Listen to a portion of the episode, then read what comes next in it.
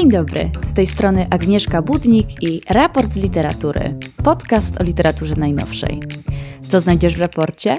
Rozmowy wokół rynku książki, wywiady ze specjalistami i specjalistkami od literatur z zakątków globu, a w końcu solowe opowieści o literaturze, kontekstach, przekładach, problemach, nowościach i tym, co umyka w dyskusjach. Moje audycje powstają też dzięki wsparciu społeczności patronek i patronów. Jeśli ciekawią Cię działania raportu, możesz je wesprzeć dobrowolną wpłatą w serwisie patronite.pl ukośnik raport literatury.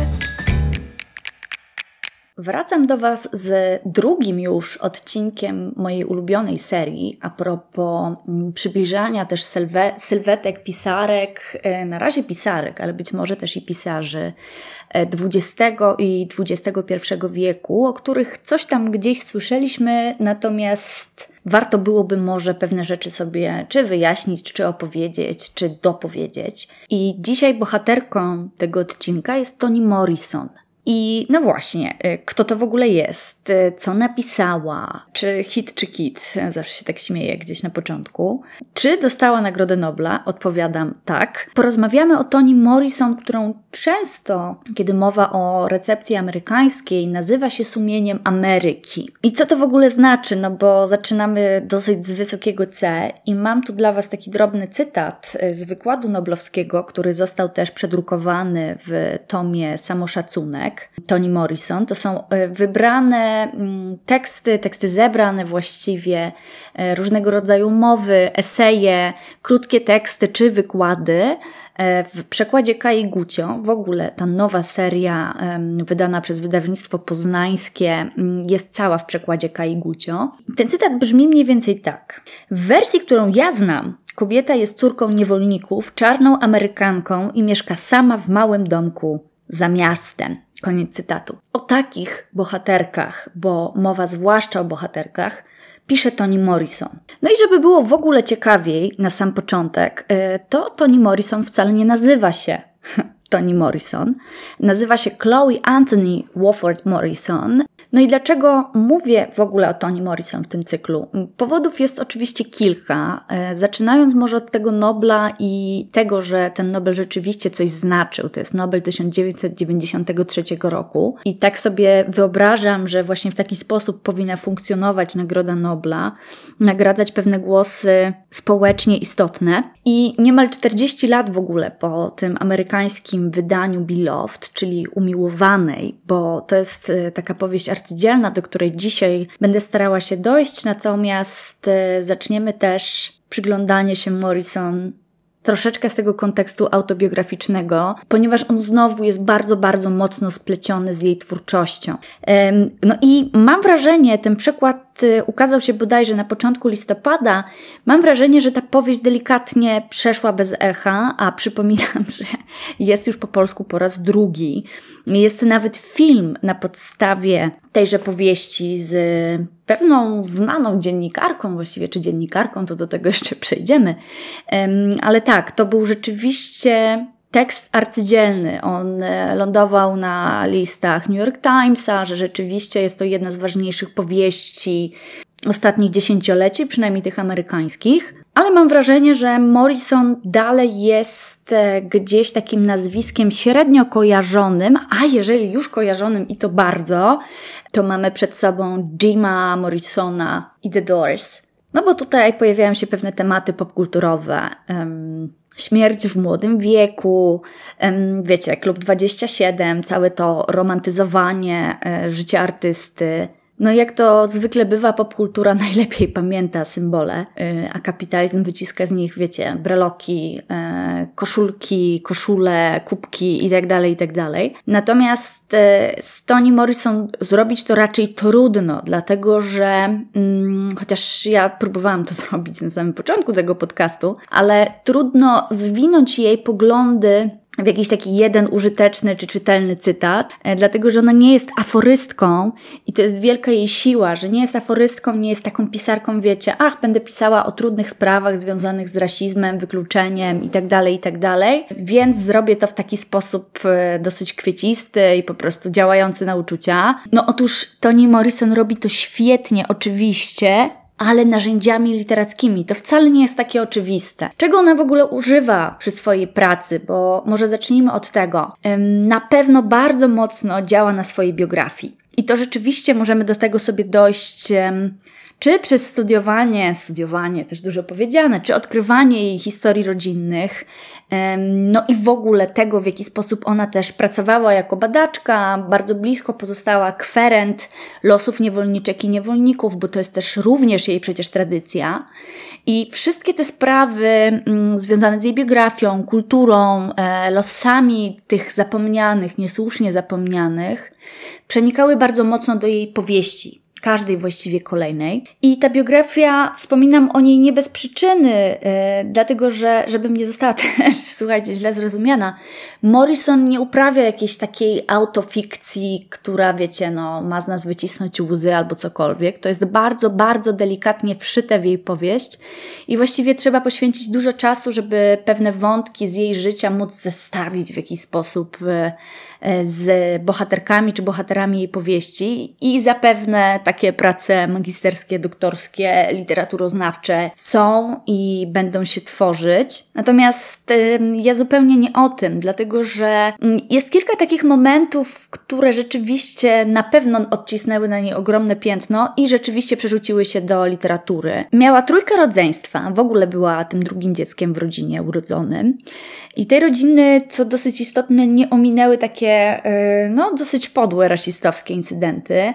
No i zdarzały się takie rzeczy, że na przykład dom Woolfortów został podpalony. I prawdopodobnie działo się to dlatego, że po prostu właściciel budynku nie otrzymał czynszu w czasie, ale to jest tylko taki jeden dosyć widowiskowy, brzydko mówiąc, przykład. Y, zresztą te palące się domy też są jakimś motywem y, w powieściach Morrison. O wiele ważniejsza będzie tutaj geografia, czyli podział na Stany północne i południowe, chociaż nie chcę jeszcze wyprzedzać faktów. Morrison była znana przede wszystkim z badań doświadczeń czarnoskórych Amerykanów, a zwłaszcza czarnych kobiet. I w tym zupełnie niesprawiedliwym społeczeństwie, no, które możemy sobie oczywiście wyobrazić, że marginalizował kobiety plus czarne kobiety, ale co to z nami robi? Nic taka informacja, jest po prostu pewnym zanotowaniem faktu. No to Toni Morrison tworzy taką powieść, takie powieści, bo to nie jest tylko domena, nie wiem, umiłowanej, ale w ogóle jej pracy, że to my stajemy się takim, wiecie,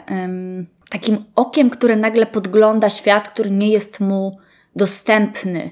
Świat, który sami zmarginalizowaliśmy jako, jako biali, w którym sami wznieśliśmy te mury rasistowskie, klasowe itd., tak itd. Tak Ale Morrison wpuszcza nas po prostu do świata tych postaci, pokazuje, jak rzeczywiście wyglądało i nadal wygląda życie czarnoskórych e, Amerykanów i Amerykanek i skala rasizmu, z którymi muszą się oni borykać. No i w całym tym świecie, mówię na razie tak bardzo z grubsza, bohaterowie Morrison walczą w ogóle o odnalezienie siebie.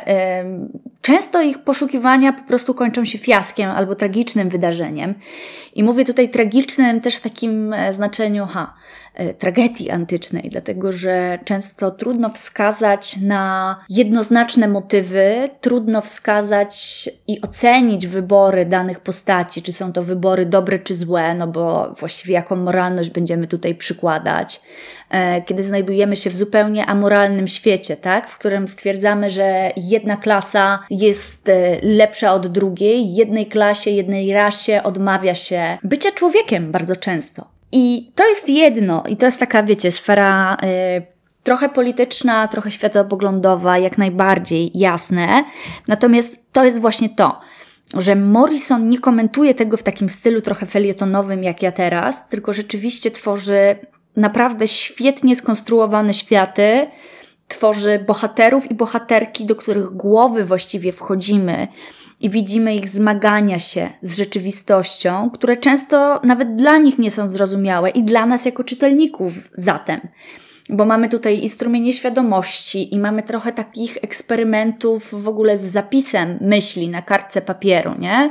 Czyli mamy łączenie wyrazów, zjadanie ich, mamy trochę używania takiej konwencji dramatu, mamy didaskalia, yy, mamy klasyczną powieść, mamy, wiecie, mnóstwo point of view tak zwanych, w teorii literatury, ale w ogóle no, w internecie. I cała ta wyobraźnia, mm, która też się bierze z jej domu rodzinnego, bo bardzo ważną tradycją były śpiewy, było przekazywanie mm, ustnych tradycji, historii i opowieści. Wszystkie te elementy Morrison ze sobą w jakiś sposób splata i nie czyni to z jej powieści jakichś, nie wiem, absurdalnych, abstrakcyjnych tekstów, które są surrealistyczne. Jakby, okej, okay, zdarzają się takie elementy, ale one służą innemu celowi. One właściwie pokazują rozmiar okrucieństwa. I dlaczego tak to robią i o co mi właściwie chodzi? Ano o to, że tutaj rozwścieczone duchy, i tego typu kawałki, sny, wizje, pożądanie najbardziej niebieskich oczu, to są właściwie najbardziej,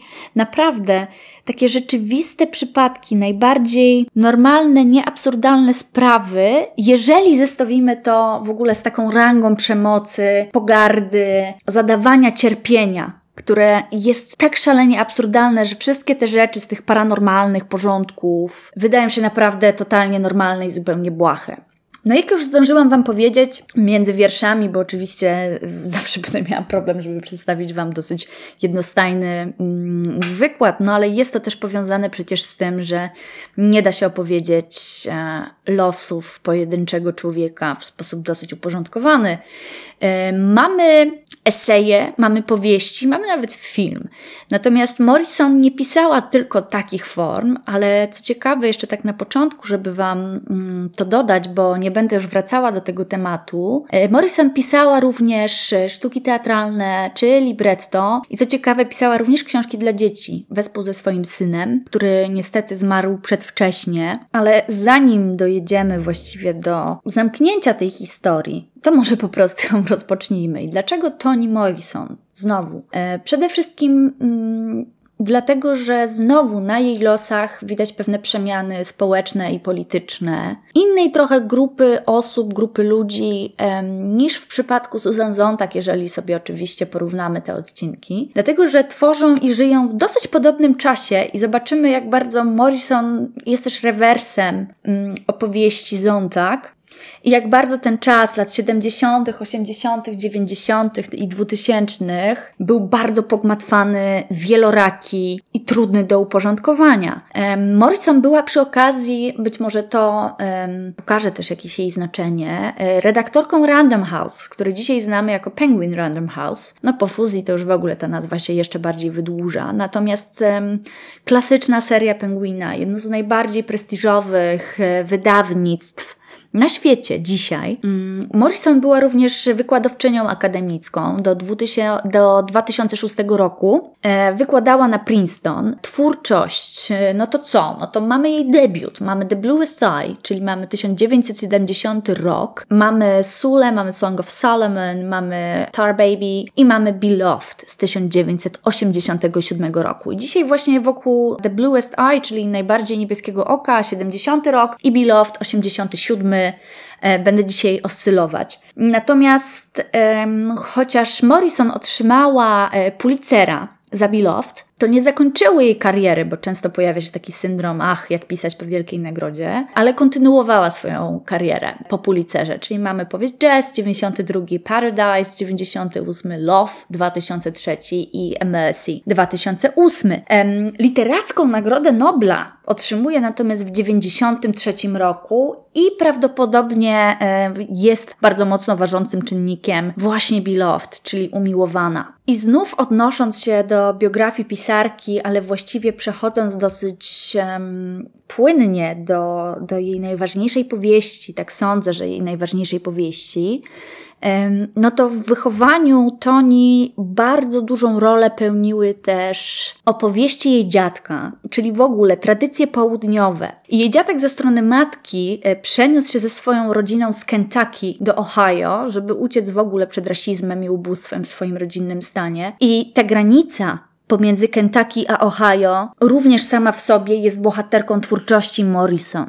to napięcie pomiędzy dwoma stanami, Kentucky i wiecie, tam były właśnie wszystkie te niewolnicze farmy, e, które nazywają się na przykład tak ironicznie dla nas, dla czytelnika, ale po prostu tak się wtedy nazywały Nasz Dom. I o tej farmie pisze przede wszystkim w umiłowanej Morrison. No to mamy to Kentucky, mamy rzekę, przez którą wielu niewolników i wiele niewolniczek próbowało się przedostać do stanów Ohio. I to był stan północny, który teoretycznie, no ale hm, jak to zwykle bywa, na papierze jedno, w praktyce drugie. W każdym razie Ohio było stanem ludzi wolnych. No i kiedy zobaczymy, że te rzeczy, e, życiorys Morrison i jej fikcja są ze sobą w pewien sposób splecione, to możemy nawet sięgnąć do takiej kategorii, słuchajcie, jak życiopisanie. No i nie jest to bynajmniej termin nowy. Często w takim naszym polskim literaturoznawstwie przykłada się je do stachury. Najłatwiej opowiedzieć je właściwie dosyć krótko. Żyje tak, jak pisze i pisze tak, jak żyje. Czyli to, co w tekście, osoba czy postaci, które mówią w tekście, są jednocześnie rzeczywiste i fikcyjne. I tak samo wygląda to w życiu codziennym, że przejmujemy też pewne elementy z tworzonej przez nas fikcji, nie? że mamy tutaj pewne sprzężenie tych dwóch światów, które traktujemy właściwie jako jedno. No i Stachura to jest jedno, okay, natomiast em, no, sprawa sięga przecież o wiele, wiele dalej. Właściwie możemy szukać e, takich powiązań, bo tu chodzi oczywiście o stopień natężenia, nie? To, że ktoś używa swojej autobiografii w tekście zupełnie nie jest niczym nowym. Natomiast e, w takiej randze, że rzeczywiście te światy są ze sobą tak bardzo mocno splątane, to przede wszystkim myślimy o wysokim modernizmie, o końcu XIX wieku i wszystkich tych takich eksperymentach dotyczących kondycji pisarzy, pisarek i pisarzy piszących o pisaniu.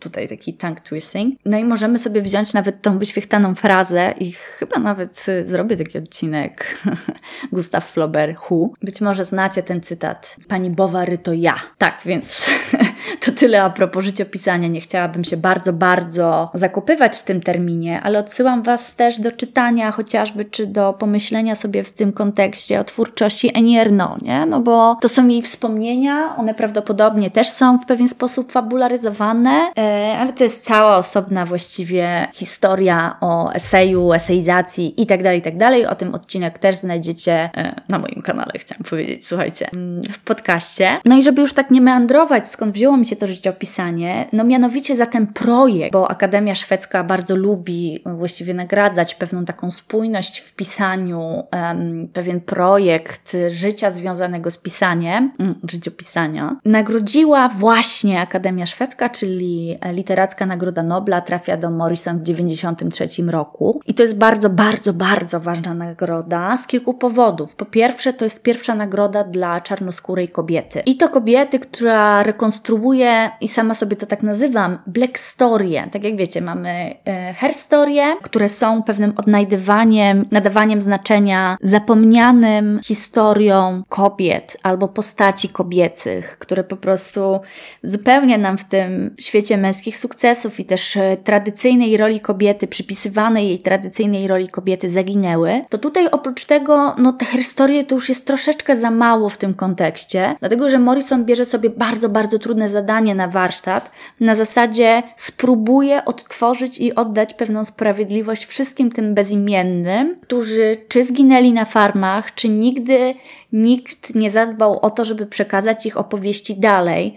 Na pewno nie w formie spisanej, dlatego że analfabetyzm też był tutaj dużym problemem, niepiśmienność, ale mm, tak jak e, przypominamy sobie z tego życiorysu Morrison, opowiadanie historii, ten taki żywioł narracyjny, przekazywanie piosenek, pieśni, mitów, legend jest bardzo, bardzo ważne w tej czarnoskórej mniejszości w Stanach Zjednoczonych. No i to już nie jest tylko i wyłącznie herstoria, ale to już jest coś, co właśnie nazywam sobie black storyą. Próbą opowiedzenia historii, którą starano się przez bardzo długi czas wymazać. I właściwie no, zdarzają się takie niestety elementy, wiecie, um, whitewashingu albo wymazywania tej czarnej tradycji albo nadpisywania czarnej tradycji. Możemy sobie tutaj przypomnieć cały ten spór związany z Kleopatrą na Netflixie.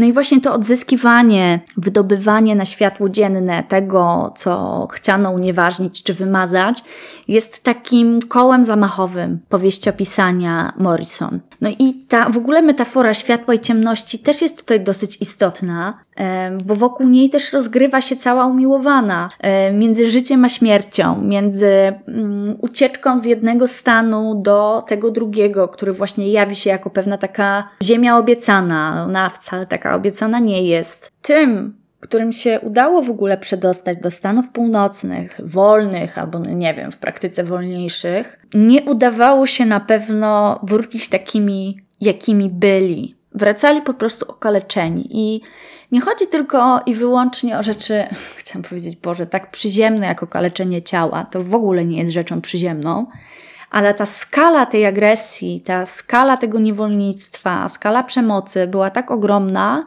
że przede wszystkim wracali z bardzo okaleczoną psychiką. No i możemy to sobie oczywiście wyobrazić, czy dzisiaj, znaczy właśnie nie, czy dzisiaj przydawać temu e, nazwy jednostek medycznych, nie wiem, tak jak e, PTSD chociażby. Ale Morrison pokazuje to w inny sposób. E, jest w świecie, w którym jeszcze nie mamy nazw tych technicznych jednostek chorobowych, ale mm, żeby w jakiś sposób spróbować opowiedzieć sobie świat na nowo po tak wielkiej traumie, te elementy, te elementy takie rozdarte, czy, czy te wielkie rany, próbuje trochę załatać magia tutaj, czyli i wierzenia, i legendy, i sam czynnik paranormalny czy magiczny. Mamy przykład chociażby y, głównej bohaterki y, umiłowanej, czyli Setę, której plecy były tak często rozcinane biczem, bo była karana przez, powiedzmy, że właściciela tej plantacji, no właśnie ubiczowaniem. I wszystkie te takie blizny, które miała na plecach, e, które, wiecie, no to nie są ładne blizny, tak? One są wielkie, zgrubiałe, to nie są małe blizny od poparzenia, tylko to są ogromne szramy, które pokrywały jej plecy. To te plecy na początku są przedstawiane w ogóle jako pewne drzewo, pewne kwitnące drzewo, które rozgałęzia się po plecach setę, a w ogóle ten taki pusty wzrok, który też był często takim elementem rozpoznania, kto właśnie powraca ze świata plantacji czy ze świata farm, ten taki pusty wzrok potrafił widzieć zmarłych, po prostu.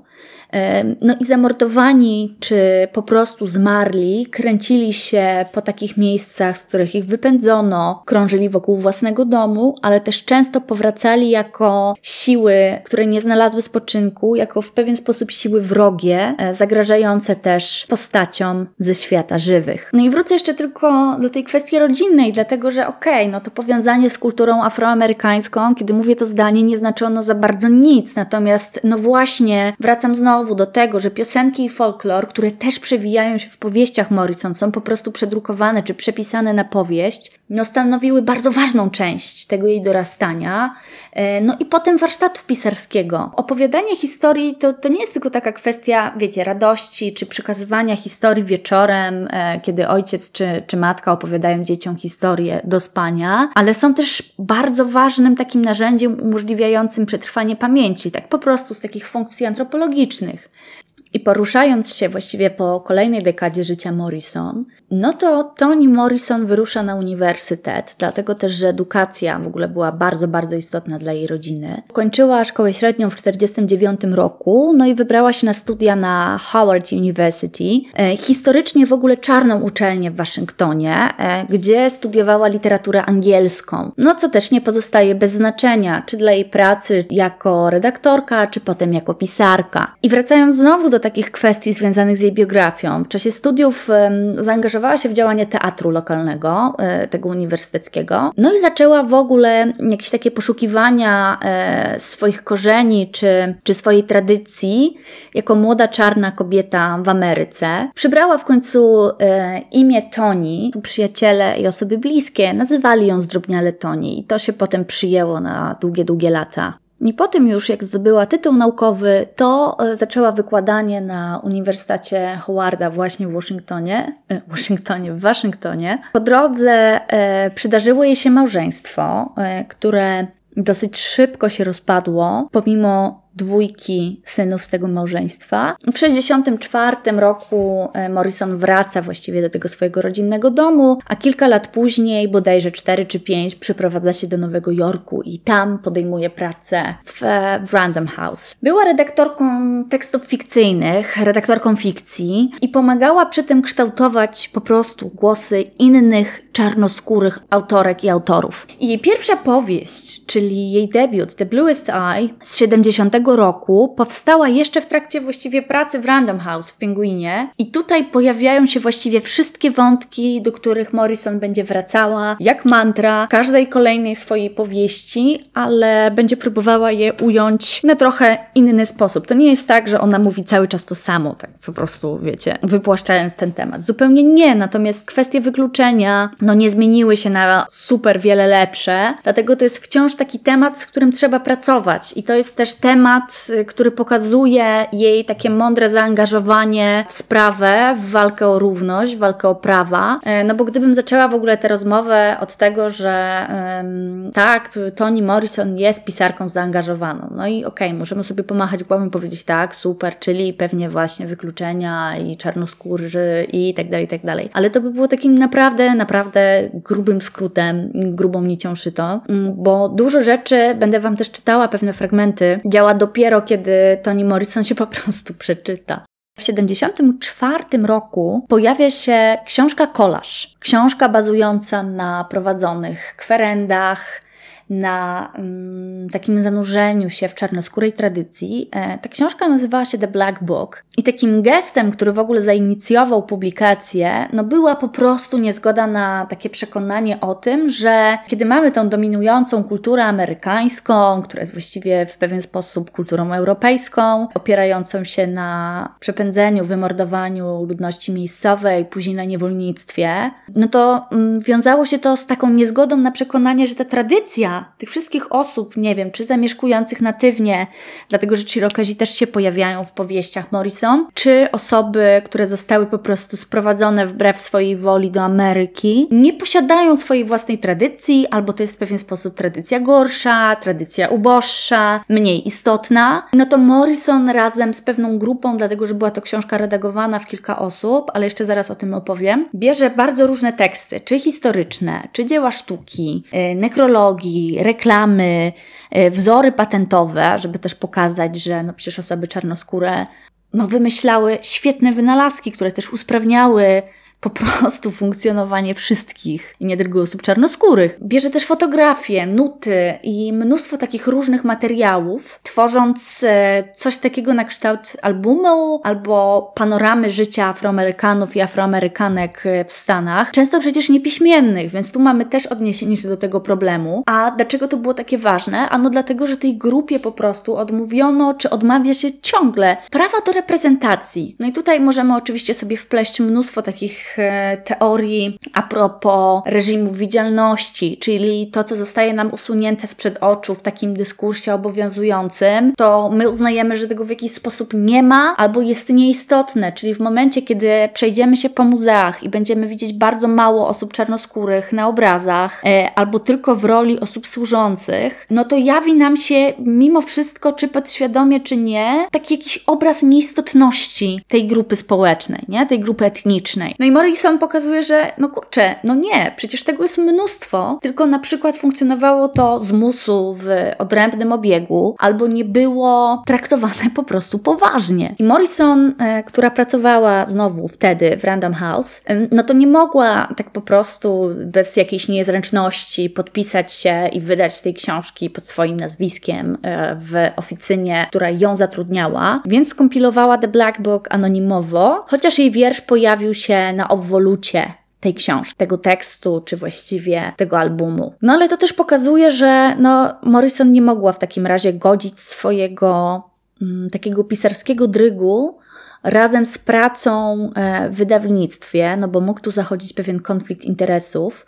E, I w pewnym momencie Morrison rezygnuje z tej pracy i postanawia się w ogóle po prostu skupić e, wyłącznie na zawodzie pisarskim, na byciu pisarką.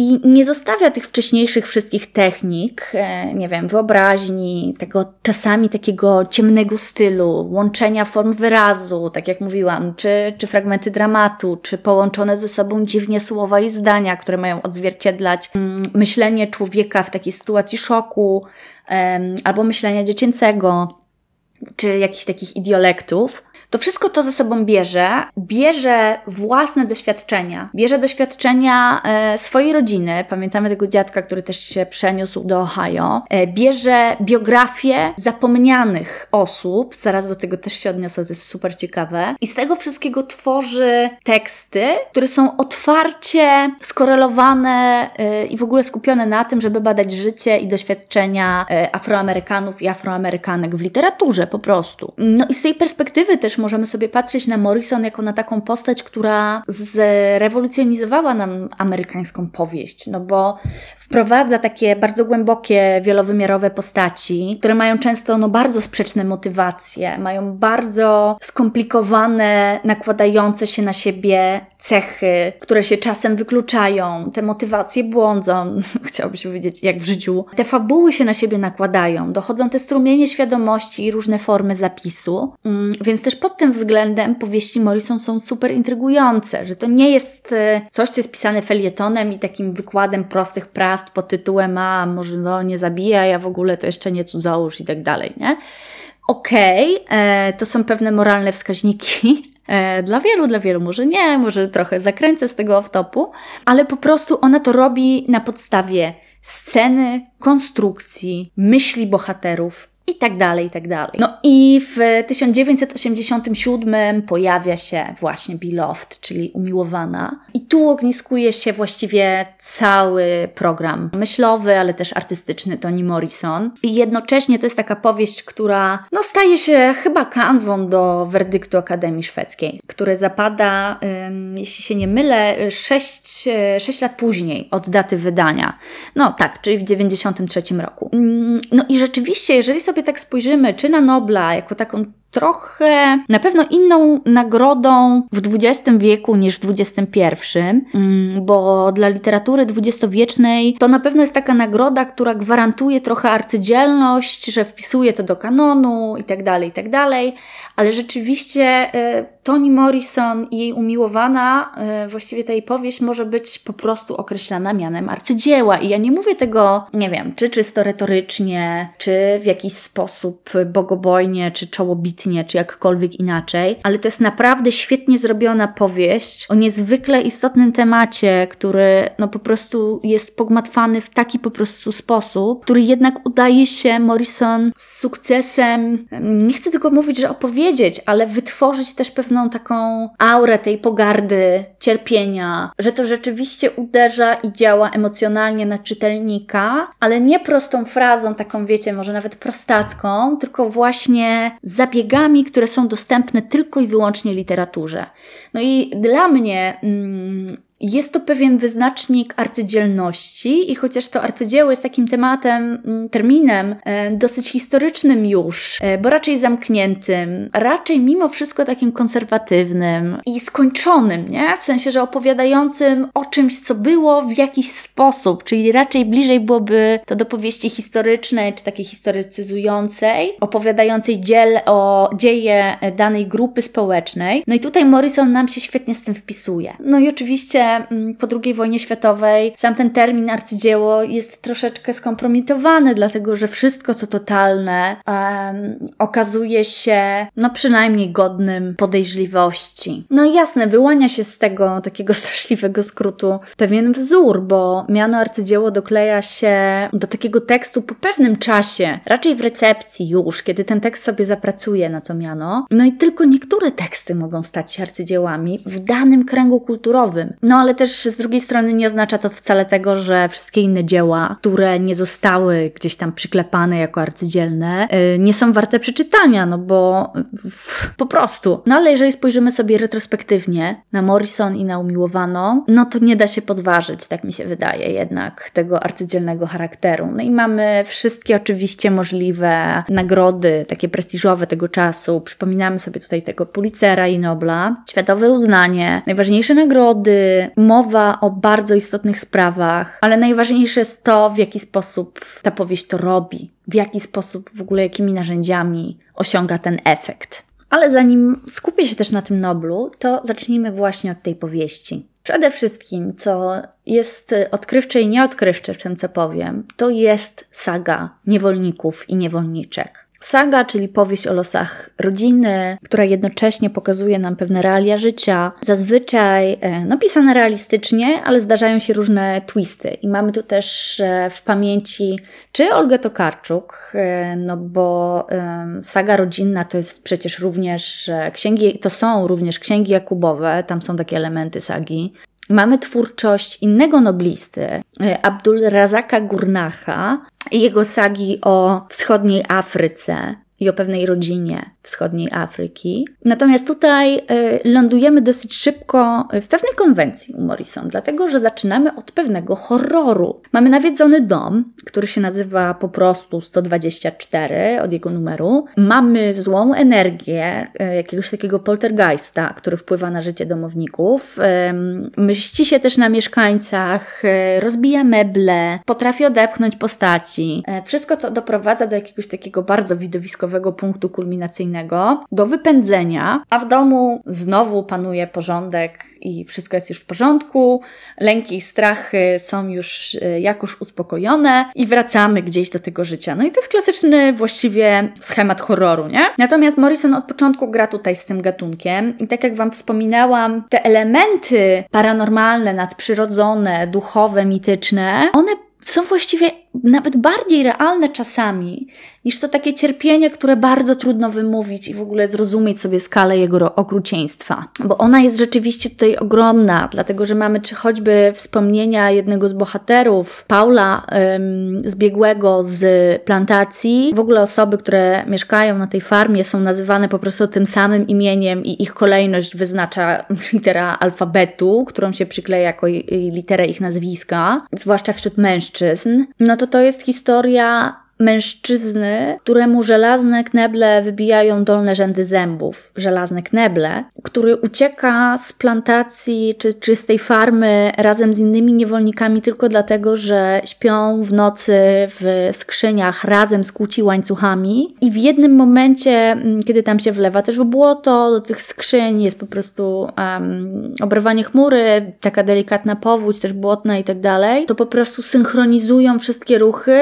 y, pociągając za łańcuchy, przekazują sobie sygnały, kto jest gdzie i muszą razem jakby wygrzebać się spod pewnej kraty, e, żeby wszyscy mogli tak naprawdę przeżyć. No bo gdyby jedna osoba została, no to dalej jest połączona z łańcuchami z całą resztą, no i skazuje całą resztę właściwie na śmierć. Więc to jest jedna z takich bardzo obrazowych historii, którą tutaj tylko Wam podrzucam, a jest ich naprawdę mnóstwo, dlatego że odkrywamy, znaczy odkrywamy, no w ogóle nie powinniśmy tego odkrywać, ale no dla mnie to też było odkrycie może do pewnego stopnia, dlatego że jesteśmy też w innym kręgu kulturowym, funkcji, dla których niektóre osoby e, czarnoskóre są też na plantacjach, są również traktowane, na przykład kobiety tam, jako zwierzęta rozpłodowe. Na zasadzie, jeżeli e, urodzi synów, oni zostaną w tej plantacji, będą właściwie darmowym niewolnikiem e, na kolejne długie lata. Można też ich bardzo brzydko mówić, mówiąc, upłynnić jako walutę, czyli po prostu ich sprzedać i na tym zarobić i rozwinąć w jakiś sposób te farmy, te plantacje. No trochę się gubię w zeznaniach, bo dosyć trudno się też o tym mówi. I Morrison nie szczędzi takich opisów, ale to właśnie też jest siłą tej powieści. Więc mamy te wszystkie transakcje kupna-sprzedaży, które po prostu e, rozdzielają rodziny. Mamy tę morderczą pracę na plantacjach, biczowanie po prostu do granic e, możliwości, czyli to jest ten case chociażby tego drzewa na plecach, przetrzymywanie w tych zakratowanych skrzyniach. No i to oczywiście jest takie systematyczne zabijanie określonej grupy ludzi. Możemy tutaj e, mówić o takim zbiorowym akcie wymazywania określonej grupy. No i zarówno pod względem psychicznym i fizycznym tutaj idzie ta przemoc, nie? I tak wieloaspektowo w ogóle. Ta opowieść, te sytuacje, e, te tortury może opisać, e, tak sądzę, tylko i wyłącznie potomkini bądź potomek prześladowanych, no bo każda inna próba opisu takich doświadczeń byłaby albo jakoś zawłaszczająca, albo etycznie wątpliwa. I e, tutaj taki kolejny case, dlatego że Toni Morrison bierze sobie nie tylko te opowieści właśnie o tym takim magicznym czy, czy mitycznym pograniczu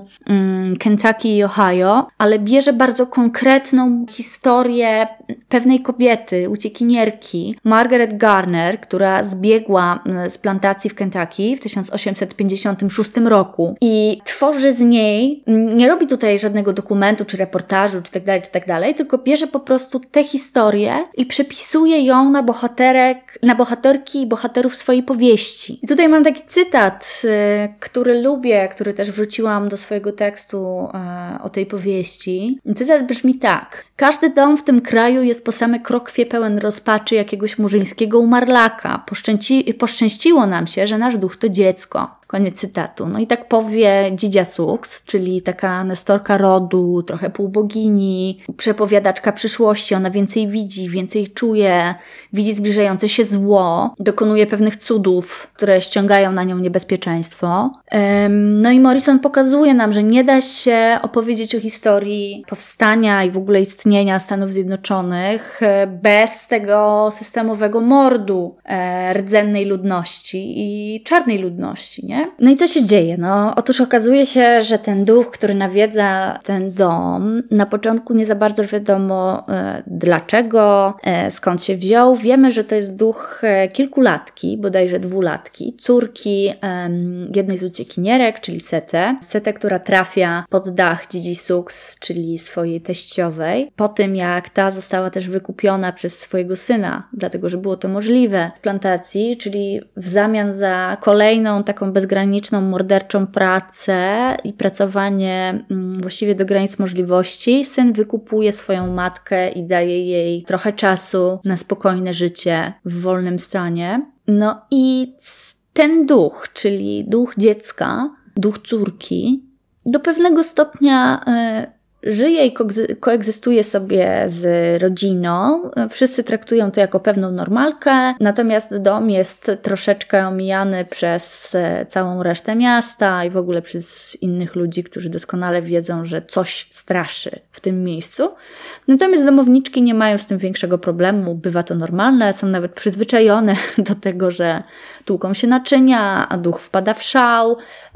No a właściwie nie szał, tylko smutek, tak próbują gdzieś to też tłumaczyć. Więc jest to jak najbardziej normalny element krajobrazu, że tak powiem. No, akcja przyspiesza. Umiłowana, i tutaj może być pewien spoiler, więc błagam, y, w razie czego wyciszcie to teraz. Umiłowana to jest ten tytuł, który matka każe wygrawerować na grobie swojej córki, dlatego że nie ma pieniędzy na dłuższy napis, więc po prostu pisze na jej grobie umiłowana. Jest to też wzięte z pewnego cytatu biblijnego. Ale zanim jeszcze dojdziemy właściwie do clue historii, bo mm, no właśnie tak też ułożona jest ta powieść, że na początku mamy dosyć normalny, normalnie, no, klasyczną powieść taką realistyczną, która opowiada nam o, o tej plantacji, właściwie o dziejach tej plantacji, tego gospodarstwa pod tą nazwą Nasz Dom, e, gdzie rzeczywiście i tak te osoby, które sprawowały władzę nad tą plantacją były całkiem, e, można by powiedzieć, sympatyczne, bo pozwoliły na wykup matki, bo traktowały osoby czarnoskóre jak ludzi mimo wszystko, co wcale tam nie było potem oczywiste, bo po zmianie e, zarządcy, po śmierci tego pierwszego zarządcy pojawia się kolejny, który no, ma mało wspólnego z byciem człowiekiem tak naprawdę, bo po prostu no, traktuje wszystkich e, mieszkańców No, jak zwierzęta to mało powiedziane, ale może tutaj urwę, bo rzeczywiście tych obrazów cierpienia i, i krzywdy z podpaleniami i nie tylko, no jest po prostu mnóstwo, a moim celem też nie jest to, żeby po prostu epatować tutaj takimi scenami gore. O wiele lepiej sobie przeczytać to, w jaki sposób pokazuje to Morrison. No, ale to jest tylko jeden z elementów, bo oczywiście można by było pisać taką powieść, która będzie nam właśnie dawała po sumieniu i, i tak dalej, i tak dalej. Jasne, ale to by było trochę antyskuteczne, a przynajmniej nie do końca literackie, nie? No bo w pewnym momencie nasza tolerancja cierpienia się zwiększa i trochę wzruszamy sobie ramionami, więc e, Morrison na to absolutnie nie pozwala. Ona tutaj pokazuje mnóstwo spraw, od tych takich realistycznych, potem naturalistyczne, po tą zagadkę paranormalną, no bo o co chodzi z tym duchem, nie? Mm, o co chodzi z losem tych kobiet, które są trochę odsunięte od społeczności, o co chodzi z tą babką, która jest boginią, potrafi wejść w dziwny trans i przełożyć ten trans na innych ludzi, rozmnaża jedzenie, czym ściąga na siebie nienawiść sąsiadów, że no trochę już przesadziła z tym dobrobytem i zaczynają dziać się bardzo straszne rzeczy.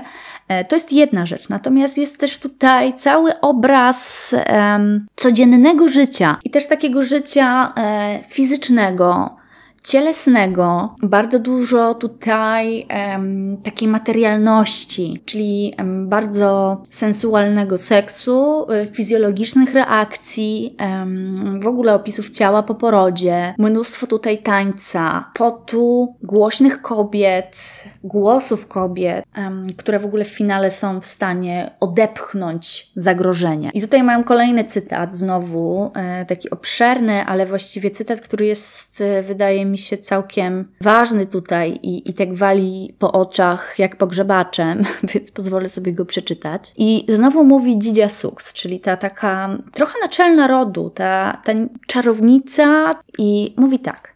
Tutaj w tym miejscu jesteśmy ciałem, mówiła. Ciałem, które płacze i które się śmieje, ciałem, które boso tańczy na trawie. Miłujcie je, miłujcie mocno. Oni tam po drugiej stronie nie miłują waszego ciała, oni nim gardzą, nie miłują waszych oczu, najchętniej by je wam wyłupili. Nie miłują też skóry na waszych grzbietach. Tam po drugiej stronie oni ją zdzierają. I ludu mój, ludu, oni tam nie miłują waszych rąk. Oni je tylko wykorzystują, krępują, zakuwają, odcinają i zostawiają puste. Miłujcie swoje ręce, miłujcie je. Unoście je i całujcie, dotykajcie nimi innych, klaszczcie w nie, gładźcie nimi twarze, bo ich, bo ich oni także nie miłują. Wy macie je miłować, wy. I nie oni tam wcale nie miłują waszych ust. Oni tam po drugiej stronie najchętniej widzieliby je zmierzczone i zmierzyli je znowu. Nie zważają na to, co wasze usta mówią, nie słyszą tego, co wasze usta krzyczą. Odbierają wam od ust to, co do nich wkładacie, żeby nakarmić swoje ciało i dają wam w zamian odpadki. Nie, oni nie miłują waszych ust. Wy musicie je miłować. Właśnie o ciele tutaj mówi, o ciele, które trzeba miłować.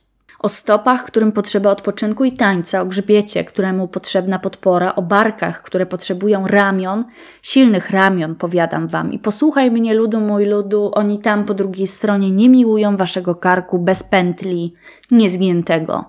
Miłujcie więc swój kark, dotknijcie go dłonią, ozdabiajcie go, gładźcie i trzymajcie go prosto. Koniec cytatu.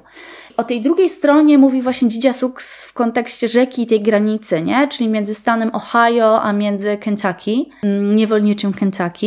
I scena ta też się dzieje w dosyć ciekawym anturażu, dlatego że w ogóle pojawia się pewna taka zaklęta polana, gdzie przypomina to trochę taką ucztę ala Dionizosa, nie? że mamy po prostu mnóstwo osób, które wchodzą w taki mm, zbiorowy trans, tańczą, oddają się swojemu ciału i emocjom. I to też mi przypomina w ogóle jako taki kontekst, e, który chciałam Wam dorzucić 100 lat samotności, czyli inną sagę mm, z innego nieco kręgu kulturowego, chociaż z podobnymi, do pewnego stopnia oczywiście, problemami, również podbitą e, ziemię przez białego człowieka.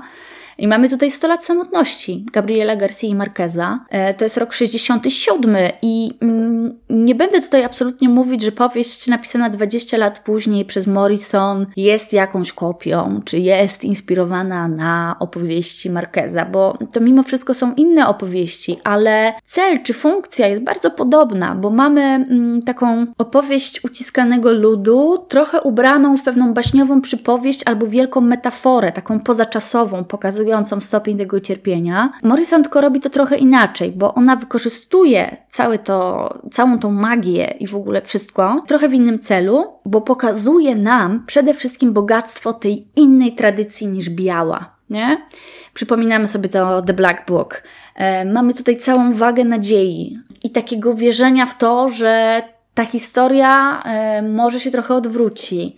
Zmieni się to prawo. Wojna secesyjna cały czas może rozwiązać w jakiś sposób ustawodawstwo wobec osób czarnoskórych. Mnóstwo tego typu spraw się tutaj dzieje. No i docieramy mm, bodajże przy końcu trzeciej części, jeżeli się nie mylę, w każdym razie dosyć daleko w las powieściowy, do sedna sprawy, chociaż e, tutaj tego sedna jest całkiem sporo, natomiast e, tej takiej osi fabularnej. No bo wracamy do ducha. Do ducha, który powraca na ziemię nie będę mówiła w jaki sposób, e, bo to zostawiam też Wam, e, do lektury i właściwie do zapoznania się z tą opowieścią, bo ja po prostu uważam, że warto. I, i w tym nowym przekładzie, w tej nowej serii też, wręcz nie mam tutaj współpracy z wydawnictwem poznańskim, ale naprawdę bardzo lubię mm, pokazywać serie, które rzeczywiście są po prostu świetne. I mam też w głowie takie kolejne dwie, wokół których kręci mi się um, jakiś pomysł, nie wiem, może tekst, może podcast, to też e, jeżeli macie ochotę, to możecie mi podpowiedzieć, bo myślę sobie tu o opowiadaniach amerykańskich, które pojawiają się w wydawnictwie czarne, ale też o tej serii takich no właśnie, chyba klasycznych arcydzieł, które trochę zostały pominięte mm, przez recepcję, przynajmniej naszą współczesną, czyli myślę o serii Cymelia z Art Rage'u, ale to jeszcze, to jeszcze pieśń przyszłości, natomiast wracając, no to tym razem ten duch wraca pod postacią pewnej kobiety, dziewczynki, dziewczyny później, która przedstawia się jako umiłowana. E, no i tutaj możemy sobie wyciągać pewne wnioski połączone z tym nagrobkiem dziecka i tak dalej, i tak.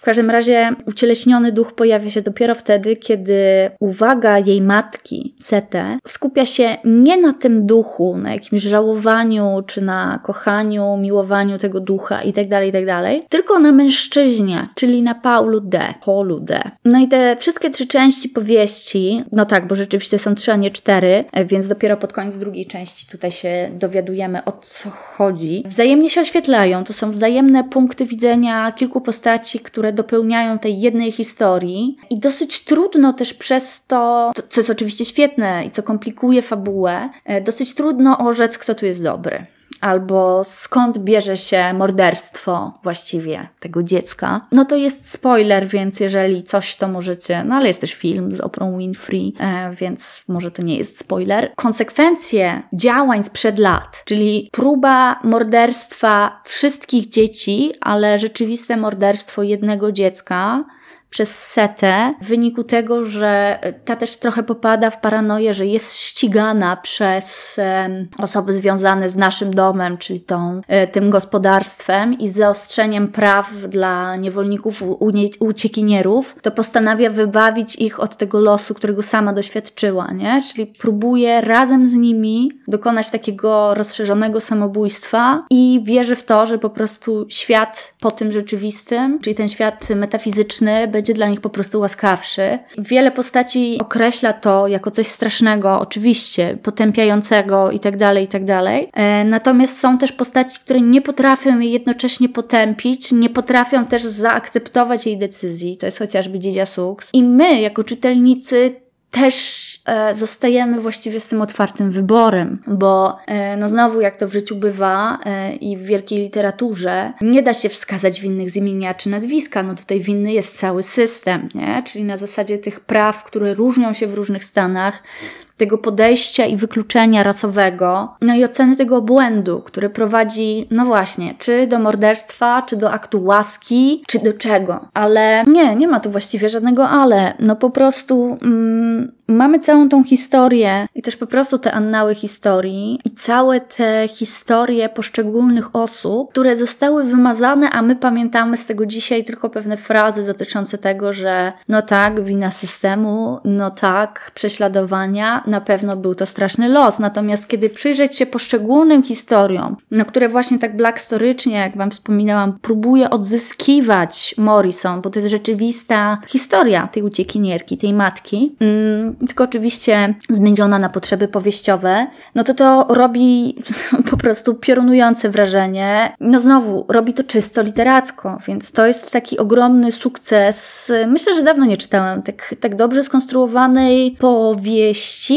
bo chyba też o tym trzeba by powiedzieć, że ta konstrukcja, te punkty widzenia po prostu czysto literacko, to jest zrobione po prostu bardzo dobrze. No i przechodząc właśnie do tych kwestii trochę też wykluczeń, tej polityczności, tej walki, tutaj dopiero dochodzę do Nobla i dlaczego to robię? No właśnie po zarysowaniu tego całego kontekstu, w jaki sposób działa fikcja Morrison, to mamy też wykład noblowski, który już przytaczałam na samym początku, żeby też do niego teraz sobie wrócić. W 93 roku no Morrison dostaje tego Nobla, no i potem dzieje się przemówienie, jak zwykle na bankiecie. Mm, laureaci są właściwie zobligowani do wypowiedzenia, mm, wygłoszenia takiego wykładu i w swoim przemówieniu noblowskim Morrison podkreśla moc języka i opowieści w kształtowaniu tego ludzkiego doświadczenia. No i to też brzmi frazesowo, no nie?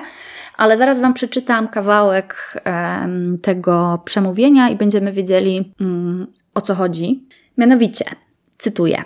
Systematyczną grabież języka można rozpoznać po tendencji posługujących się nim osób do rezygnacji z jego zniuansowanych, złożonych, akuszeryjnych właściwości na rzecz groźby i podporządkowania. Opresyjny język nie tylko reprezentuje przemoc, lecz także sam jest przemocą. Nie tylko reprezentuje ograniczenia wiedzy, lecz także sam ją ogranicza. Niezależnie od tego, czy jest to zaciemniający język państwowy, czy niby mowa bezmyślnych mediów, czy to dumny, choć skostniały język akademii, czy nastawiony na obrót towarowy język nauki, czy to perfidny język prawa pozbawionego etyki, czy też język stworzony z myślą o wyobcowaniu mniejszości, za fasadą literackiej gry ukrywający swój rasistowski proceder, ten język trzeba odrzucić, zmienić i zdemaskować. To język, który spija krew, wykorzystuje słabości, chowa swoje faszystowskie buty pod krynolinami praworządności i patriotyzmu, a jednocześnie nieubłaganie drenuje kieszenie i umysły. Język seksistowski, język rasistowski, język teistyczny, wszystkie one są typowe dla policyjnych języków władzy, nie dopuszczają nowej wiedzy ani nie zachęcają do, do wzajemnej wymiany myśli. Koniec cytatu. Mogłabym tutaj teraz opowiadać, że jakie to jest uniwersalne i tak dalej, no ale takie właśnie jest. I e, siłą Morrison jest też pewna precyzja, bo rzeczywiście ona łapie kilka zjawisk naraz i potrafi to opowiedzieć w bardzo krótkim, skondensowanym tekście. I tak też jest napisany, tak są też napisane wszystkie teksty zebrane w tym jednym tomie w samoszacunku, więc tam Was też odsyłam, bo to jest całkiem niezła taka szkoła retoryczna. Część z tego to są przemówienia i one są rzeczywiście bardzo zgrabnie, bardzo ciekawie, e, wkondensowane, ale wcale nie taki wypłaszczający sposób skonstruowane. I no, Nobel jest w ogóle taką dziwną nagrodą, bo oczywiście jest tutaj ważny i wspominałam Wam o tym, że bardzo ważny jest pod tym względem, że był to pierwszy Nobel dla czarnoskórej kobiety, 93 rok, a Nobel jest e, przyznawany bodajże od 1906 roku. To też pokazuje nam skalę zmian społecznych, ale zawsze to był i będę się przy tym upierać E, taki model europocentryczny nagrody. Taka nagroda literackiego salonu. No wiecie, w obecności króla, bankiet, klasyczny właściwie trochę wzorzec literatury. I Nobel nagradza takich autorów, którzy prezentują mimo wszystko najbardziej konsensualne wizje świata, na które jesteśmy w stanie się zgodzić, że to nas jakoś super nie razi, ale też, e, no, że tak powiem brzydko, ale właśnie tak internetowo daje do myślenia, nie?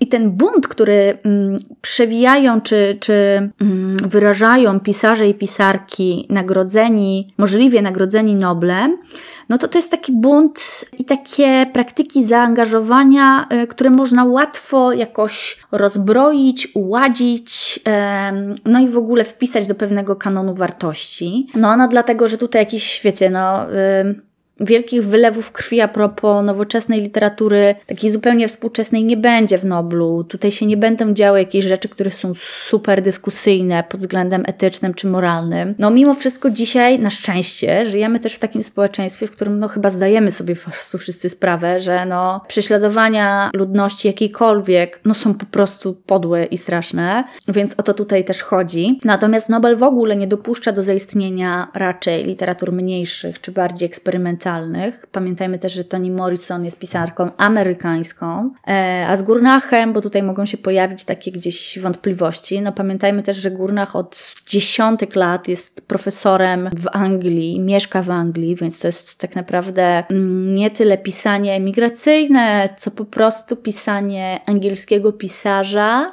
tak myślę, o pewnych korzeniach. E, no i też nie zapominajmy, że to jest narzędzie w kształtowaniu konkretnej wizji kultury i społeczeństwa. No to jest Akademia Szwedzka, to jest e, właśnie znowu król, czyli to jest trochę też element polityki zagranicznej i kulturalnej Szwecji, nie?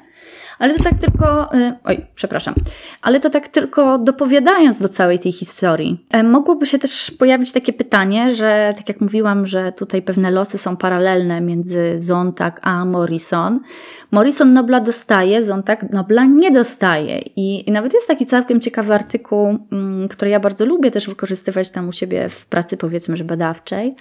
E, Jeffrey Myers napisał taki artykuł o tym w zasadzie jak Nobla nie dostać. I on analizował sobie kariery, kariery literackie mm, do 2006 roku od y, ustanowienia nagrody i zazwyczaj jego, tutaj to są jego wnioski, znaczy ja się z nimi zgadzam, ale żeby nie było, że ja po prostu wymyślam, ale jest też oparte na pewnych badaniach, że Nobel dla literatury zazwyczaj jest przyznawany takiej twórczości czy przeciętnej, czy niepolaryzującej, o może to jest słowo klucz. I Akademia Szwedzka potrafi być zaślepiona e, polityczną poprawnością. To się też ujawniło w przypadku takich wielkich strajków, e, kiedy Elfriede Jelinek dostała Nobla i tam część jurorów po prostu się od tego dystansowała jeden nawet rzucił e, jurorowanie, że to w ogóle jest nagradzanie pornografii, w ogóle jakiegoś seksualnego bagna, serio to jest cytat.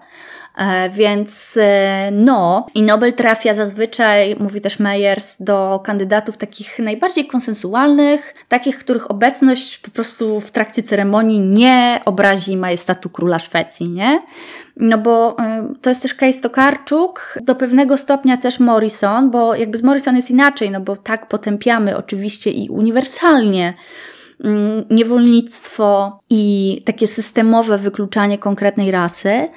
Natomiast y, Stokarczuk i tutaj, w, w tym przypadku umiłowanej też Morrison, jest to, że właściwie mm, pewne bunty, pewne opowieści o zmianie są trochę przebrane w kontekst historyczny, nie? I kontekst historyczny jest zawsze bezpieczniejszy i można wtedy oczywiście mówić, że to jest metafora też lat współczesnych i tak dalej, i tak dalej. Natomiast y, no, nie ma tutaj jakiegoś takiego wielkiego klaszu politycznego, że taka powieść, na przykład gdyby Tokarczuk napisała zupełnie współczesną powieść o krajach sąsiadujących, o, o polskim antysemityzmie i tak dalej, i tak współcześnie, no to, to nie byłaby taka prosta droga do tego Nobla, dlatego że to by był taki, no właśnie konfliktujący element w polityce kulturalnej i w ogóle polityce zagranicznej Szwecji, nie? Ale tak, to był taki dosyć duży off-top. Chociaż mam tu też taki jeden cytat, który też Wam przeczytam, z Majersa, z tego tekstu krytycznego z 2007 roku. Pominiecie pisarze i pisarki nie są zatem tłumaczeni na języki zachodnie, nie zdradzali tendencji idealistycznych, nie byli poprawni politycznie, zmarli młodo lub byli zbyt znani, rozwinęli się artystycznie zbyt szybko lub zbyt późno, albo też ich twórczość miała charakter negatywny, eksperymentatorski lub zbyt skomplikowany w odbiorze dla przeciętnego czytelnika. Koniec cytatu. I oczywiście jest to cytat bardzo, bardzo, bardzo ironiczny, natomiast e, no, Meyers tutaj przede wszystkim pokazuje, że trajektorię noblowską, wiecie, te wszystkie zakłady buchmacherskie i tak dalej, da się do pewnego stopnia przewidzieć i to dlatego, że po prostu profil Nobla jest dosyć określony. E, ale tak, bo Was zabieram w moją podróż doktorską, co nie ma tutaj większej racji bytu i sensowności, e, oprócz czystego fanu. Natomiast jak Nobla dostać, to jest też ciekawe, co można sobie wysnuć, czy z tego tekstu, czy w ogóle na podstawie chociażby Morrison i e, innych postaci ostatnich lat. No to jest pewien taki, ja to sobie używam na własny użytek, noblowski lejek. No, dzieła o tendencjach idealistycznych, i to jest cytat, bo te tendencje idealistyczne to sobie wymyślił Alfred Nobel, że takie mają być nagradzone teksty, no bo wymyślił dynam dynamit i było mi smutno, więc żeby teraz jakby dobre, pozytywne, humanistyczne teksty dostawały tę nagrodę. Hmm. Czyli takie teksty, które nam promują postawę humanistyczną, opisują kondycję ludzką, chociaż to też jest taki frazes, nie? Czyli mm, zmagania człowieka z otaczającą go rzeczywistością, tak wkrótce. I to nie jest tak, że książka, która dostanie Nobla jest jakoś słaba albo po prostu no, nie było nic lepszego. E, to też nie tak, ale po prostu Nobel nie jest uniwersalną nagrodą. Jest mnóstwo też tekstów po prostu świetnych, które Nobla nie dostały i warto po prostu o tym pamiętać. Akurat przypadek Morrison jest przypadkiem super świetnym i dobrym, bo to był rzeczywiście też taki Nobel, który jej pozwolił e, jako czarnej kobiecie na taką właściwie, mm, chciałabym powiedzieć brzydko, tarczę ochronną na zasadzie tak, to co robię jest rzeczywiście po prostu dobre, w porządku. Kobiety też mogą pisać takie rzeczy, e, bo to jest też po prostu nagroda do pewnego stopnia dla niej też feministyczna. Mm, więc tutaj te wszystkie rzeczy ze sobą w pewien sposób grają, nie? No to trzeba mieć jeszcze miarowo rozwijaną karierę literacką, nagradzaną w kraju i za granicą. Mamy też Pulitzera przecież y, tutaj a przy okazji Morrison, taką najważniejszą, chyba po prostu najważniejszą nagrodą amerykańską. Mamy mm, w przypadku Tokarczuk e, The Booker Prize for Fiction za, za księgi Jakubowe. No i mamy język, dlatego że Świetne przekłady są też dosyć istotne, albo pisanie e, w językach szwedzkim, innym skandynawskim, albo angielskim, francuskim i niemieckim. Tylko w tych językach tak naprawdę te kandydatury są w pewien sposób brane pod uwagę, czy są tłumaczone, czy napisane w tym języku, nie? I na czym też e, polega feminizm Morrison, bo to, żebyśmy też mieli pewne takie wrażenie, że to nie jest tylko i wyłącznie pisarka ważna dla osób czarnoskórych, jakby jasne, bardzo, bardzo ważna, ale Morrison, i stąd też się bierze to określenie sumienia Ameryki, e, bardzo mocno działa w ogóle z pewnymi takimi szkodliwymi mitami czy szkodliwymi przekonaniami względem mniejszości, ale też kobiet y, i osób wykluczanych. Y, I tutaj dobrym przykładem, myślę, jest mit Kopciuszka. No i dlaczego? No dlatego, że w jednym z tekstów, znowu w samoszacunku zebranym, jeżeli sobie gdzieś tam go przewertujemy, y, to jest też taki krótki, bardzo krótki esej, który rozpracowuje nam tę bajkę. I przeczytam Wam fragment, y, żebyśmy też widzieli, w jaki sposób y, Morrison myśli konstruuje argumenty y, i dochodzi do takiego momentu, mm, zawsze się śmieję, że to jest taki aha moment, że takie wow, Mm-hmm, no nie myślałam tak o tym, ale mm-hmm, to tak jest.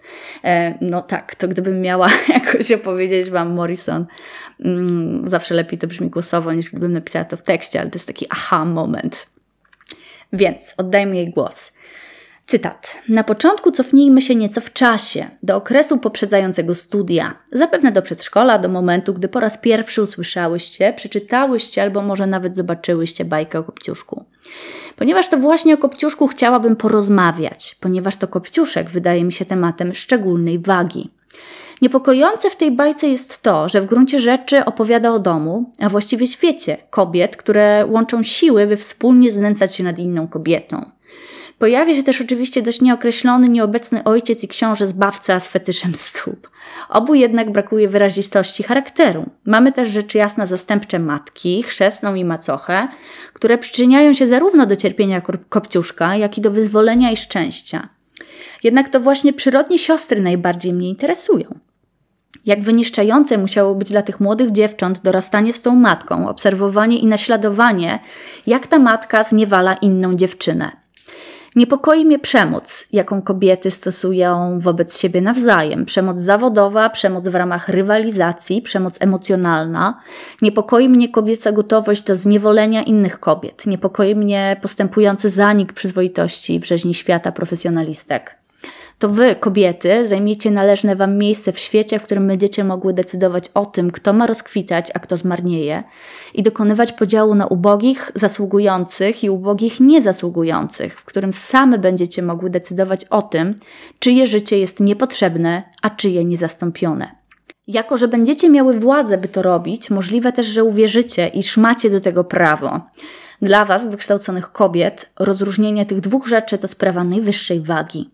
Prawa kobiet to coś więcej niż tylko abstrakcja czy idea, to także sprawa osobista. Tu nie chodzi jedynie o nas, lecz także o mnie i o ciebie. O nas obie. Koniec cytatu. Tutaj było kilka cytatów obok siebie. No i dlaczego to takie ważne? Mam wrażenie, że to taka moja powracająca fraza. Dlaczego to takie ważne?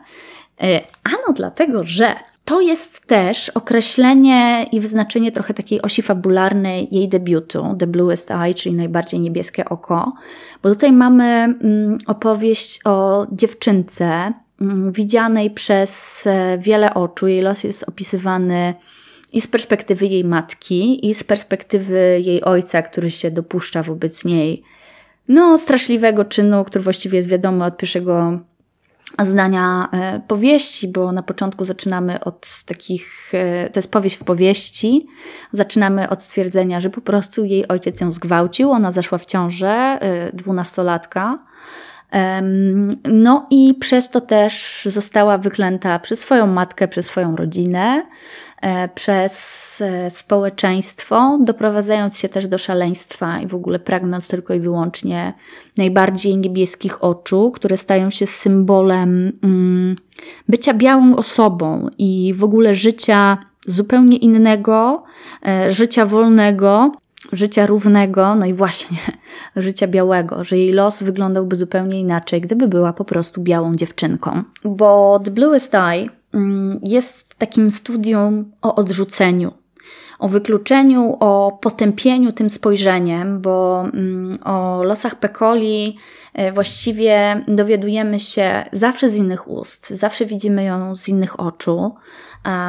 I te oczy, które ją zauważają, to są oczy innych osób jakoś wyrzuconych poza margines społeczeństwa, czy to prostytutek, czy osób jeszcze biedniejszych od niej od jej rodziny. I tutaj to spojrzenie jest bardzo ważne i ta taka metafora patrzenia, metafora oczu, bo to spojrzenie i potępienie spojrzeniem wyrzuca poza te reżimy widzialności. No a koniec końców, e, tutaj widzimy też takie stadium po prostu jednostki, e, której dotyka taki los, dlatego że to jest taki właśnie mechanizm psychologiczny, dochodzi do tego nienawiść do samej siebie. Jakaś taka wina ściągana na siebie za wszystkie te niepowodzenia, za całą tą nienawiść, że no przecież świat cały nie może być taki zły, tylko prawdopodobnie wina jest we mnie.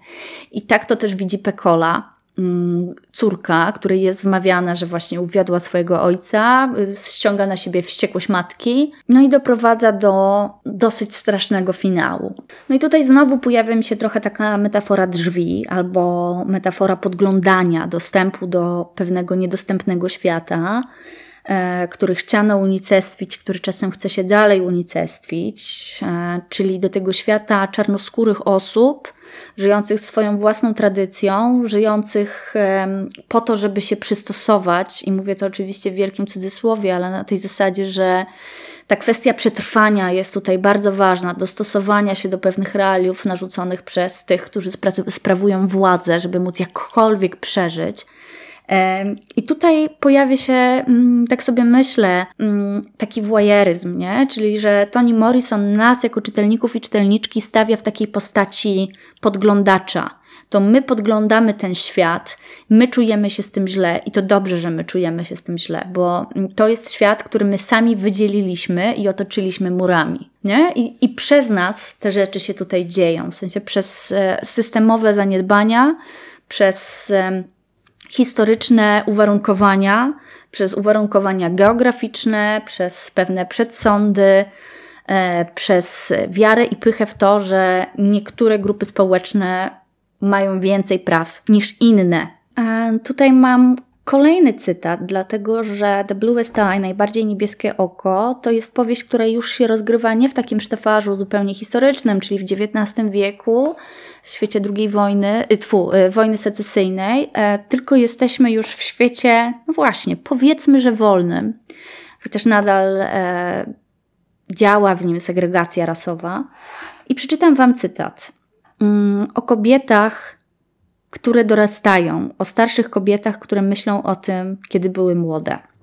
I cytat.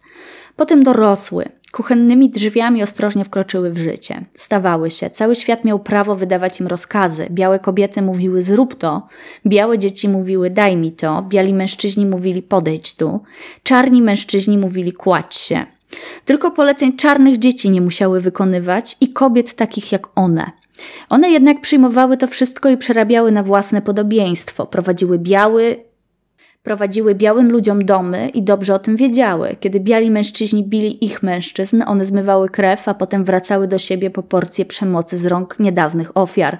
Jedną dłonią biły swoje dzieci, a drugą dla nich kradły. Rękami, którymi obalały drzewa, Przecinały też pępowiny rękami, którymi ukręcały szyję kurom i zażynały świnie, pielęgnowały też sempolie do rozkwitu. W tych samych ramionach dźwigały snopki, bele i worki, a potem kołysały dzieci do snu. Formowały bułeczki w kruche, niewinne owale i okrywały ciała umarłych całunem. Całymi dniami harowały w polu i wracały do domu, gdzie przyciskały je męskie ramiona. Nogami, którymi obejmowały grzbiet muła, ściskały biodra mężczyzn. A różnica była taka, że trudno o większą różnicę. Koniec cytatu. I tutaj pojawia się e, specjalnie podprowadzony na koniec cały ten wątek feministyczny i takiego aktywizmu Toni Morrison, mm, bo jej prozę wiąże się również z czarnym feminizmem, takim konkretnym odłamem, powiedzmy, że feminizmu, znaczy powiedzmy, że konkretnym odłamem feminizmu. Morrison zawsze podkreślała, że praca literacka powinna być zarówno polityczna, jak i piękna.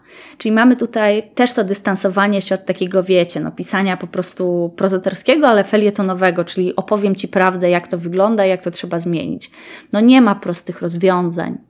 I widzimy to też w prozie e, Toni. Mm, no i prace Morrison w ogóle analizowały konflikty, tak jak Wam teraz też mówiłam, po prostu między społeczeństwem a jednostką. Mm, no i oczywiście, że rasizm, niewolnictwo, opresję ludności czarnoskórej.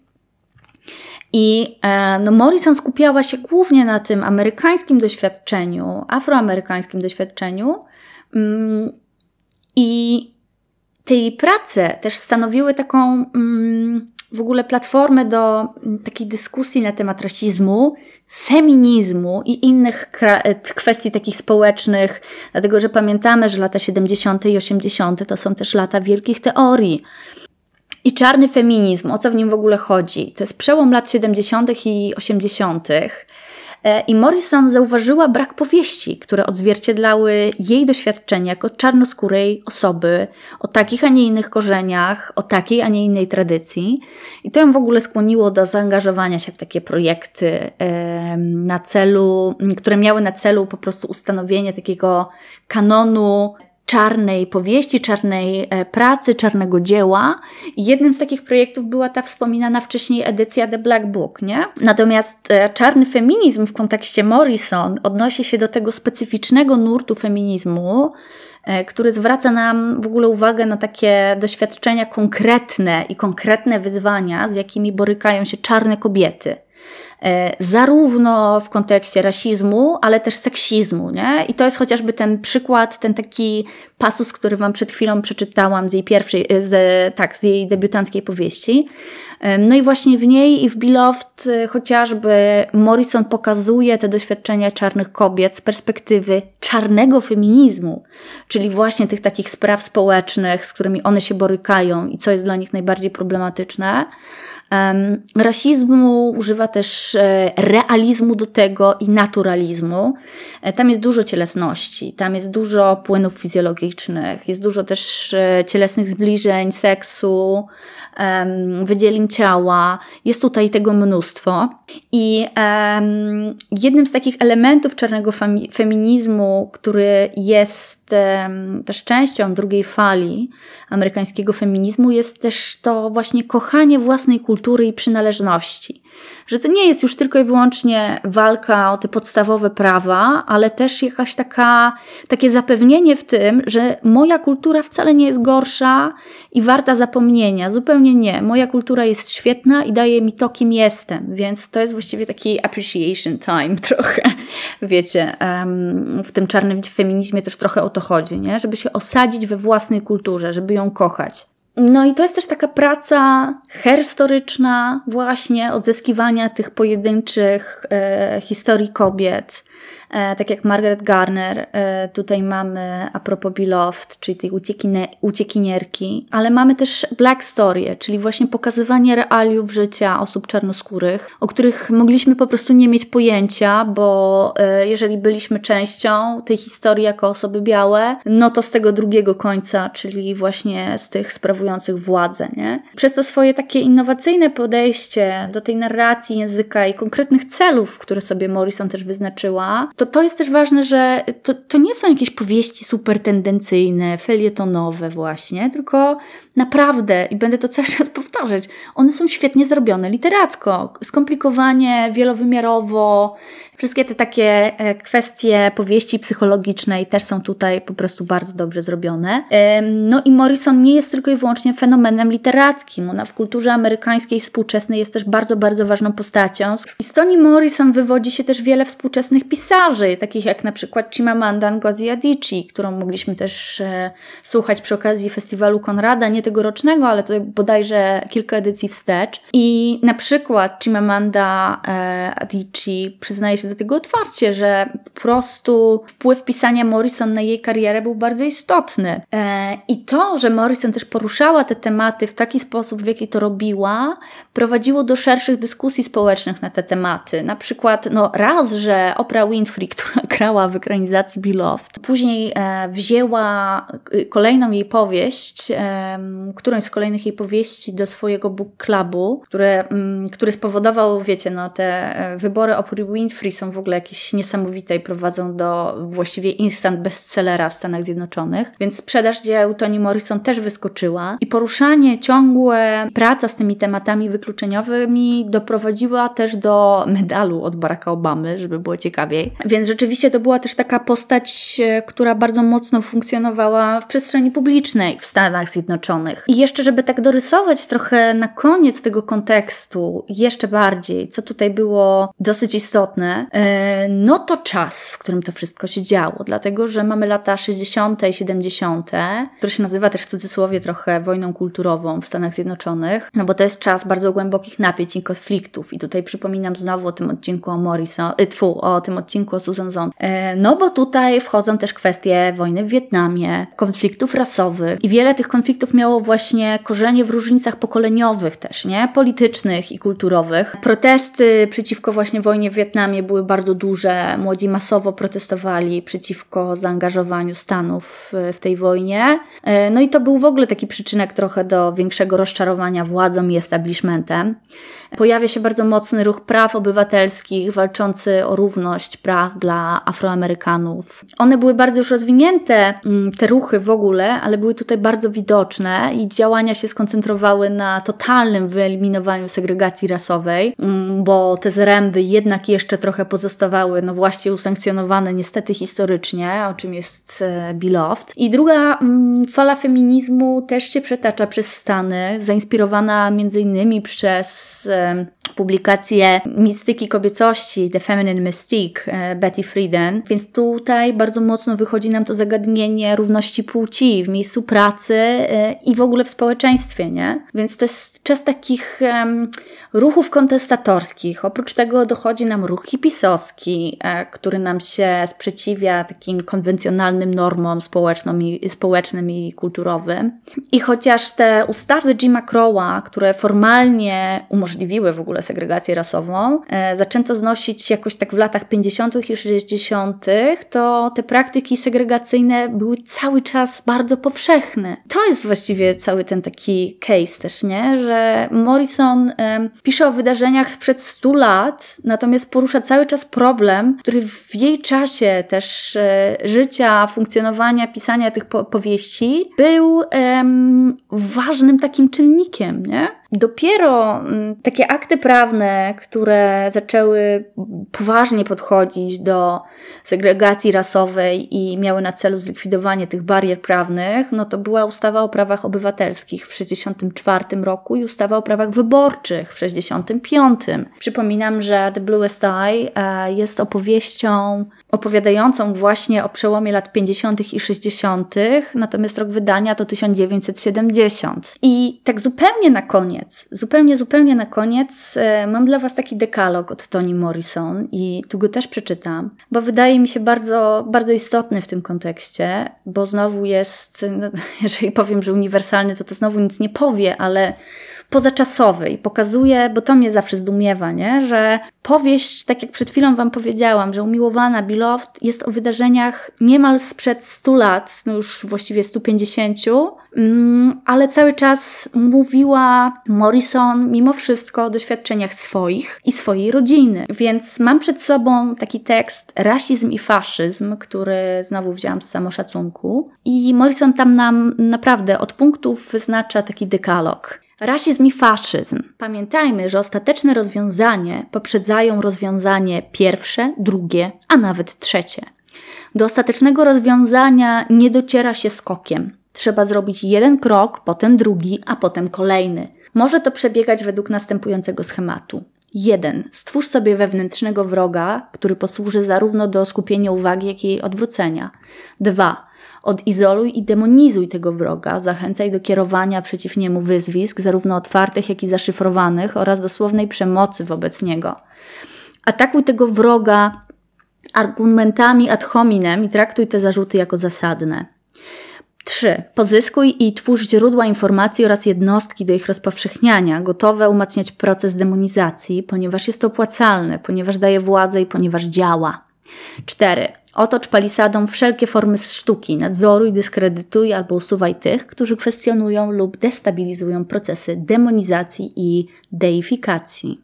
5. Zadawaj kłam i piętnuj wszystkie osoby reprezentujące tego skonstruowanego wroga lub z nim sympatyzujące.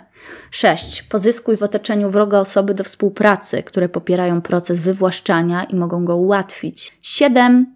Nadawaj wrogowi cechy patologii w naukowych, i popularnych środkach przekazu. Powołuj się na przykład na rasizm naukowy i mity o wyższości rasowej, żeby nadać patologii pozory naturalności.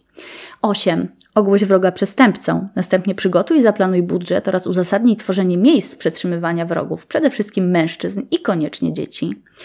9. Wynagradzaj bezmyślność i apatię z monumentalizowanymi formami rozrywki i małymi przyjemnościami, drobnymi pokusami. Kilka minut w telewizji, kilka słów w prasie, trochę pseudosukcesu, iluzja władzy i wpływu, odrobina zabawy, odrobina stylu, odrobina konsekwencji. 10. Zachowuj milczenie za wszelką cenę. I tutaj tylko tak e, w ramach, e, kurczę, zabrzmi to strasznie e, tak dydaktycznie, ale w ramach takiej puenty, to jest taki dekalog, który niestety sprawdza się też dzisiaj, nie? W sensie obserwujemy sobie cały czas wydarzenia na wschodniej polskiej granicy. Mm, widzimy kolejne wojny, które pukają do drzwi no nie tylko Europy, do świata. Po prostu mamy sytuację mm, konfliktu, wojny w ogóle między Izraelem a Palestyną i dziesiątek lat tego konfliktu. I z takimi przemyśleniami Was tutaj zostawiam i dlaczego właśnie Toni Morrison, o tym mogę powiedzieć na końcu.